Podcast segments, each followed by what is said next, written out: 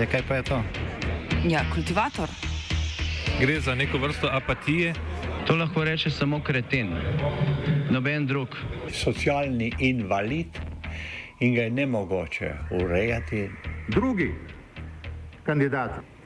Pa, eh, pa pije, kadi, masturbira, vse kako ti lahko reče. Nihče tega ne ve. Vsak petek skultiviramo dogodek tedna. Lahko po kriterijih radio študent, težko pa po evropskih kriterijih. Ampak na drug način, kot vi to mislite. Kultivator vedno užge. da pač nekdo sploh omenja probleme, ki so in da pravzaprav sploh nekdo sproži dogajanje uh, v družbi. To drži, drži.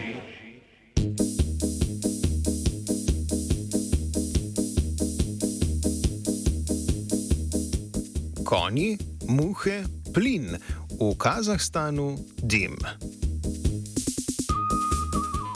Ulice kazahstanskih mest so po desetih letih spet preplavile množice protestnikov. Protesti so se v zadnjih dneh razširili po vsej državi in zajeli tudi največje mesto Almati, kjer so se protestniki na ulicah spopadli z oboroženo policijo in državnimi varnostnimi službami. Vladni mediji so poročali, da so med demonstracijami množično ropali trgovine in povzročili veliko materialne škode na poslopjih državnih ustanov v mestih Almati, Šimkent in Taras.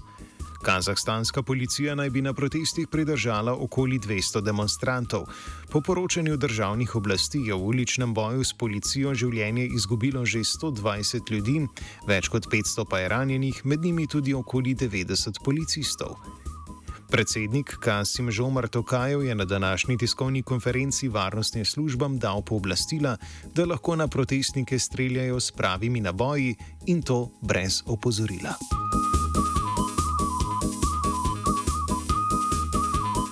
Kaj vse se je zgodilo v zadnjih dneh v tej srednjeazijski državi, ki je petkrat večja od Francije, je tudi zaradi izklopa internetne povezave in nezanesljivega medijskega poročanja težko ugotoviti.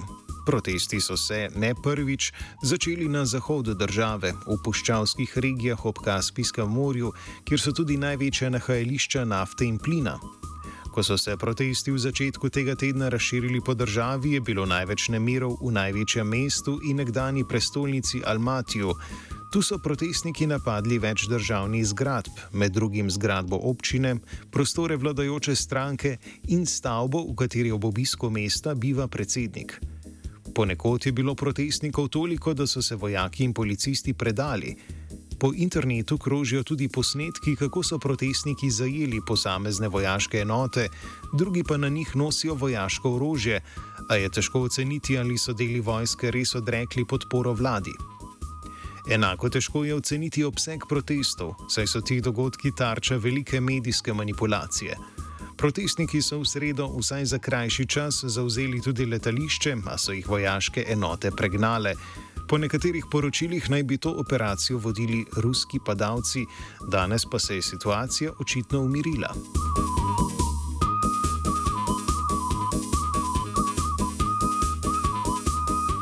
Vzrokov za proteste je veliko, skoraj vsi pa izhajajo iz ekonomske in socialne stiske, v kateri so se znašli prebivalci Kazahstana. Podražitev energetskih virov je v zadnjih dneh sprožila množične proteste v zahodni kazahstanski regiji Mangistav, v kateri je velik del kazahstanske petrokemične industrije. Mangistav velja za eno najrevnejših kazahstanskih provinc in zvišanje cen energentov so najbolj občutili ravno tam. Naftna industrija, tudi zaradi politik centralne oblasti, v provinco namreč ni prinesla večjega števila služb, gospodarskega razvoja in višjega življenjskega standarda. Da gre za iskro, ki je razonila žerjavico starega družbenega konflikta, opozarja Albert Bininačvili, vodja oddelka za srednjeazijske študije na Univerzi v Bologni in profesor za politične vede na Univerzi Kolumbija v New Yorku. A trigger rather than the real cause of today's protests. They started in the western part of this huge country, very close to the shores. Uh, uh, eastern shores of the Caspian Sea, in the oil-rich part of, of, this country, and the uh, in the city of um. Uh, this city of Uzen is well known for everyone who is following the developments in Kazakhstan because it was also the center of political unrest exactly 10 years ago in 2011 you know, being an area, uh, you know, where a big part of the uh, uh, of, of the Kazakhstan's uh, oil and gas is being produced, these areas is still remained is still is still is remaining relatively deprived in terms of the I mean of the income generation. So very small, simply uh, speaking, very small of the Kazakhstani energy export pie is uh, finishing in the hands, you know, and the pockets of the of those who are producing these wells. Protesti so izbruhnili v isti regiji kot protivladne demonstracije pred desetimi leti, ki jih je vlada nasilno zatrla. 11, well, 10 years ago in uh, 2011, the authorities have acted, well, very decisively. They practically, well, opened fire and uh, uh, used, well, the crackdown measures on the protesters. Well, the mass media was reporting about the dozens of killed in uh, 2011. And after that, we have seen, we have noticed complete media blackout on the coverage of, of these events. Za zdaj se zdi, da so proteste spontano organizirali nezadovoljni državljani, pove Claire Nuttall, urednica za področje Azije pri BNE IntelliNews. I mean, there does seem to be a genuine, seem to have been a genuine trigger for these protests, which is the rise in fuel prices. And I mean, I can say, having lived there, that a lot of people they they're not desperately poor, but a big rise in fuel, which is one of their main expenses, is is going to get possibly get people out on the streets. Um, and especially now when they've been through two years of uh, tough times since the pandemic started. Um, so i think there was a genuine trigger. I mean the opposition there is an opposition. Um, they i suspect they may sort of jump on this but really it's such an authoritarian state that the opposition doesn't have a lot of influence and and is especially among regular people. Um, and another theory coming out is that, um, you know, there is someone behind it and not really knowing who. Um, and it may have been, they may, once the genuine protesters got out there, they may have been joined by criminal groups who are, you know, agitating, and provoking, uh, making the violence worse. But I would say at this stage, we, we don't really know who's behind it. I certainly wouldn't rule it out, though. Tudi antropolog Russell Zenka se strinja, da so za začetek protestniškega nasilja deloma krivi agitatorji, katerih naloga je prav eskalacija protestov. Opposition movements. The, the most well known one is called Oyan Kazakhstan, which means Wake Up Kazakhstan. And it's mainly kind of youth movement, liberal leftist, um, you know, definitely wanting the things that most of us would consider in a democratic society would be good things, right? Like access, you know, free media, access to information, uh, chance for good jobs, uh, expand educational institutions, medical care, blah, blah, blah. All, all the things that you, you, would associate with a kind of wealthy, democratic, peaceful country. That's what Oyan Kazakhstan wants. And you could say that some of their members have played a role in the recent protests and demonstrations. But it's important to understand that there's also some, uh, we believe, probably planted demonstrators who are doing a lot of destruction, especially in the city of Almaty. And without being too conspiracy minded, it does seem as if they've used some of these uh, kind of like gangsters or criminal elements to come into the demonstrations and wreak havoc because then it gives a bad name to all those people who we would say have legitimate reasons to protest the grievances of society. And this is Kot povdarja Benina Čvili, je razlog za obsežnost protestov verjetno tudi odziv vlade, ki je bil neznačilno počasen in zakasnel. We have seen also the uh, very serious delay in uh, response uh, of authorities uh, to, to this crisis. Well, it is sufficient to say that the authorities were not reacting for several days. Uh, you know, practically the, the, the, there was no official reaction, neither on the uh, on the part of the local authorities or the central authorities. You know, and only after uh, the, the people started, well, the attacks on the uh, on the gas stations, well, finally uh, they have declared uh, the uh, decrease in prices. Well, in fact, they, they have even brought the prices well to the level less well uh, than it used to be before before the increase before the doubling of these pri- prices but it was probably too little and too late Dodatno zmedo in nejasnost je povzročil medijski mrk. Kazahstanske oblasti so namreč popolnoma prekinile internetno povezavo po vsej državi, kar pomeni, da o dogajanju trenutno poročajo samo vladni mediji in ruska državna televizija, ki pa poroča precej drugače od njih. Medtem ko kazahstanski državni mediji minimizirajo pomen in obseg protestov, so ruski mediji bistveno bolj dramatični. Naši sogovorniki predvidevajo, da je razlog za to prav legitimacija ruske intervencije v državi, ki že poteka.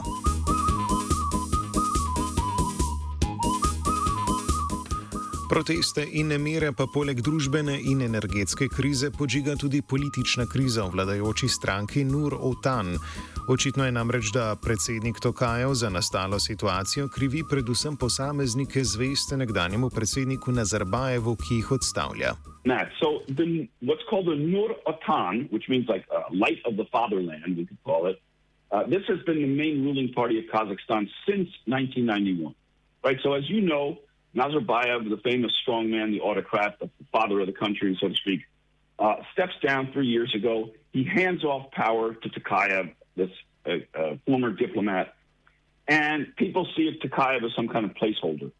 What it looks like right now is that Tokayev has moved against Nazarbayev and the legacy, and he's kind of firing, uh, getting rid of the uh, former uh, heads of various departments or government agencies that uh, were, let's say, Nazarbayev's men, uh, and, and a, a, woman here and there too, of course.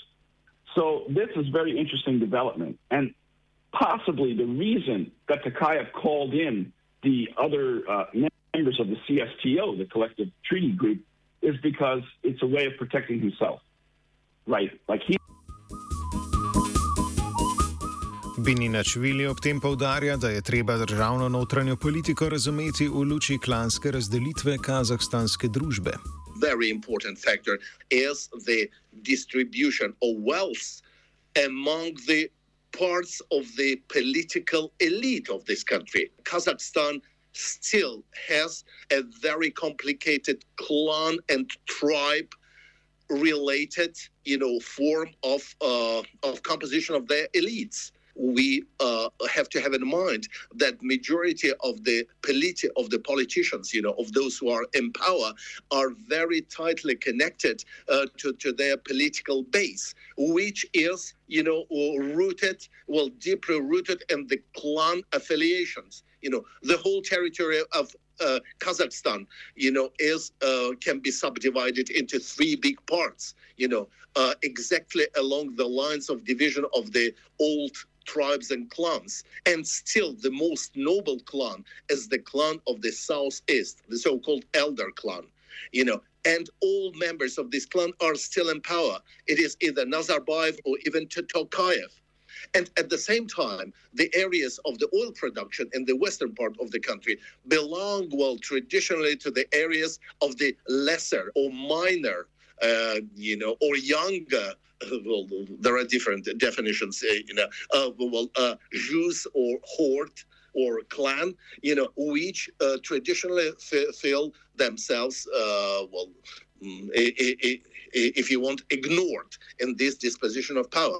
So part of it, you know, part of today's struggle on the streets of Almaty you know, is reflecting, you know, the willingness of the members of this influential uh, members of this younger and uh, middle clan to have a bigger say in the future distribution power in this country.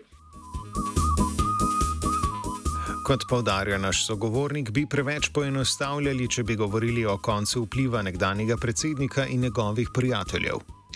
Samat Abish, uh, who was the first uh, deputy director of the uh, KNB. KNB is the uh, Security and Intelligence Service, the, the Committee for National Security. You know, very influential man, very close to uh, to uh, Nazarbayev, and uh, Kasim Jomart Tokayev also has relieved of his duties the director of this KMB of the of the of the security service, uh, very influential political uh, leader Karim Masimov. You know, so well, having done this, he practically has uh, has deprived, has undermined the political immediate political basis of Nazarbayev's power. So, well, uh, but once again, please don't interpreted in the way that the whole era of the influence of Nazarbayev's clone has gone. No, it is deeper. Well, Nazarbayev may go. Well, his immediate uh, well, friends and cronies may go. But his bigger clan still will remain, you know, very close uh, to the decision-making mechanisms. And please have in mind that Tokayev is also part of this clan you know. So we are talking about the change of the leaders within this older you know or uh, bigger uh, horde you know the greater horde of, of kazakhstan. The old leader has gone. Now the new leader is consolidating power Očitno je, da je Tokajev za pomoč pri reševanju notranje politične krize ter utrditvi svoje politične pozicije v lastni stranki in gibanju prosil organizacijo pogodbe o kolektivni varnosti, ki združuje šest nekdanjih sovjetskih republik. Ta je prvič aktivirala člen o kolektivni obrambi. Intervencijo je moral vsaj uradno odobriti trenutni predsednik organizacije, predsednik Armenije Nikol Pašinjan. To organizacijo smo prvič videli v neakciji med lansko vojno v Gorskem Karabahu, ko je odrekla pomoč prav Armeniji. Rusija je v Kazahstan že namestila svoje sile.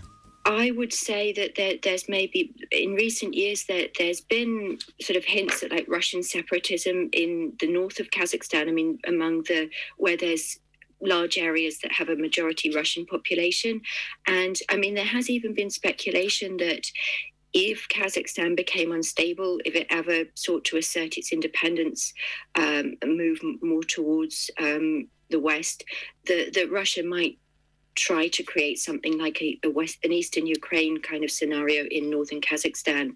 Um, I mean, that's not actually happened yet, but we are seeing more hints.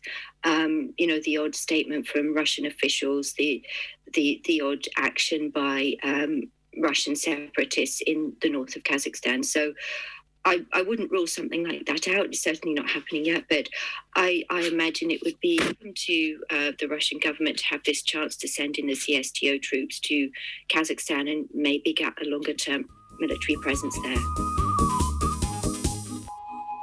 Prav ruska manjšina je očitno ključ, s katerim želi Moskva vstopiti v dogajanje v državi. Uh, most of northern Kazakhstan, for many, many decades, uh, was heavily populated by ethnic Russians. Today, it's only about 19 or 20 percent of the entire country. Uh, you know, Kazakhstan is a country closing in on 20 million people. So, a vast territory, you know, we say seven times the size of France, this sort of thing. In, in any case, Russia has for years now uh, Russian politicians have been talking about the fact that, well, you know, Kazakhstan was never an independent country and that much of its northern territory might as well be Russian. And I think, without sounding too alarmist or too paranoid, there's a serious danger that Kazakhstan faces in terms of its relationship to Russia and in terms of this possible, uh, I don't want to sound alarmist, but a, a possible takeover of parts of Kazakhstan by Russian forces. Bininačvili ne verjame, da bo ruska pomoč predsedniku Tokajevu poceni in da bodo ruske sile kmalo zapustile državo. That the fact of the Russian intervention is now uh, an, an accomplished fact. You know, Russian forces are already openly in. You know, uh, so we don't know when they will get out. I have serious doubts, you know, that they will leave uh, in a short period, as uh, President Tokayev said. I guess, well, the, the, Russians are there for quite a long time. They have demonstrated. Uh, uh, that they have demonstrated their flag there, and even if they formally leave this country, which once again, where I have doubts, uh, uh, they uh, definitely will uh, secure absolute guarantees, you know, of their own interest and absolute levers of their guaranteed control over the foreign policy and even big part of domestic policy uh, of Kazakhstan uh, for for the at least for, for for the near future. Vlada se je po besedah NATO odločila za klasičen avtokratski način, način zatiranja protestov v postsovjetskih državah. Ta združuje nasilno zatiranje protestov, popoln medijski nadzor in kratkoročne ukrepe namenjene pomiritvi protestnikov. Predsednik Tokajev je tako ugodil njihovim zahtevam po odstavitvi Nazarbajeva iz varnostnega sveta države, znižal ceno energentov, razpustil vlado in sprejel nekaj manjših zakonskih sprememb, ki so jih zahtevali protestniki, naprimer spremembe zakonodaje na področju osebnega stečaja. Naši sogovorniki niso prepričani, da spremembe kažejo resno pripravljenost vladajoče elite na dolgoročne gospodarske in politične spremembe, zlasti glede na to, da se je Tokajev po pomoč obrnil na Kremelj. Po stepi sta galopirala Beno in Koruza.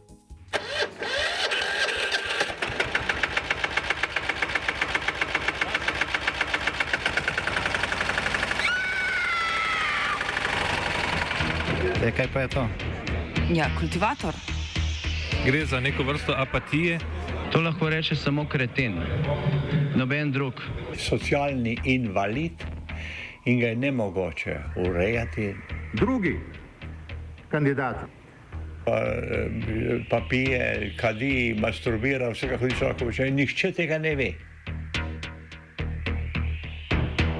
Vsak petek skultiviramo dogodek tedna.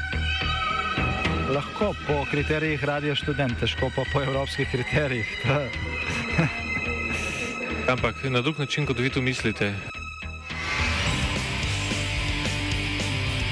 Kultivator vedno užge.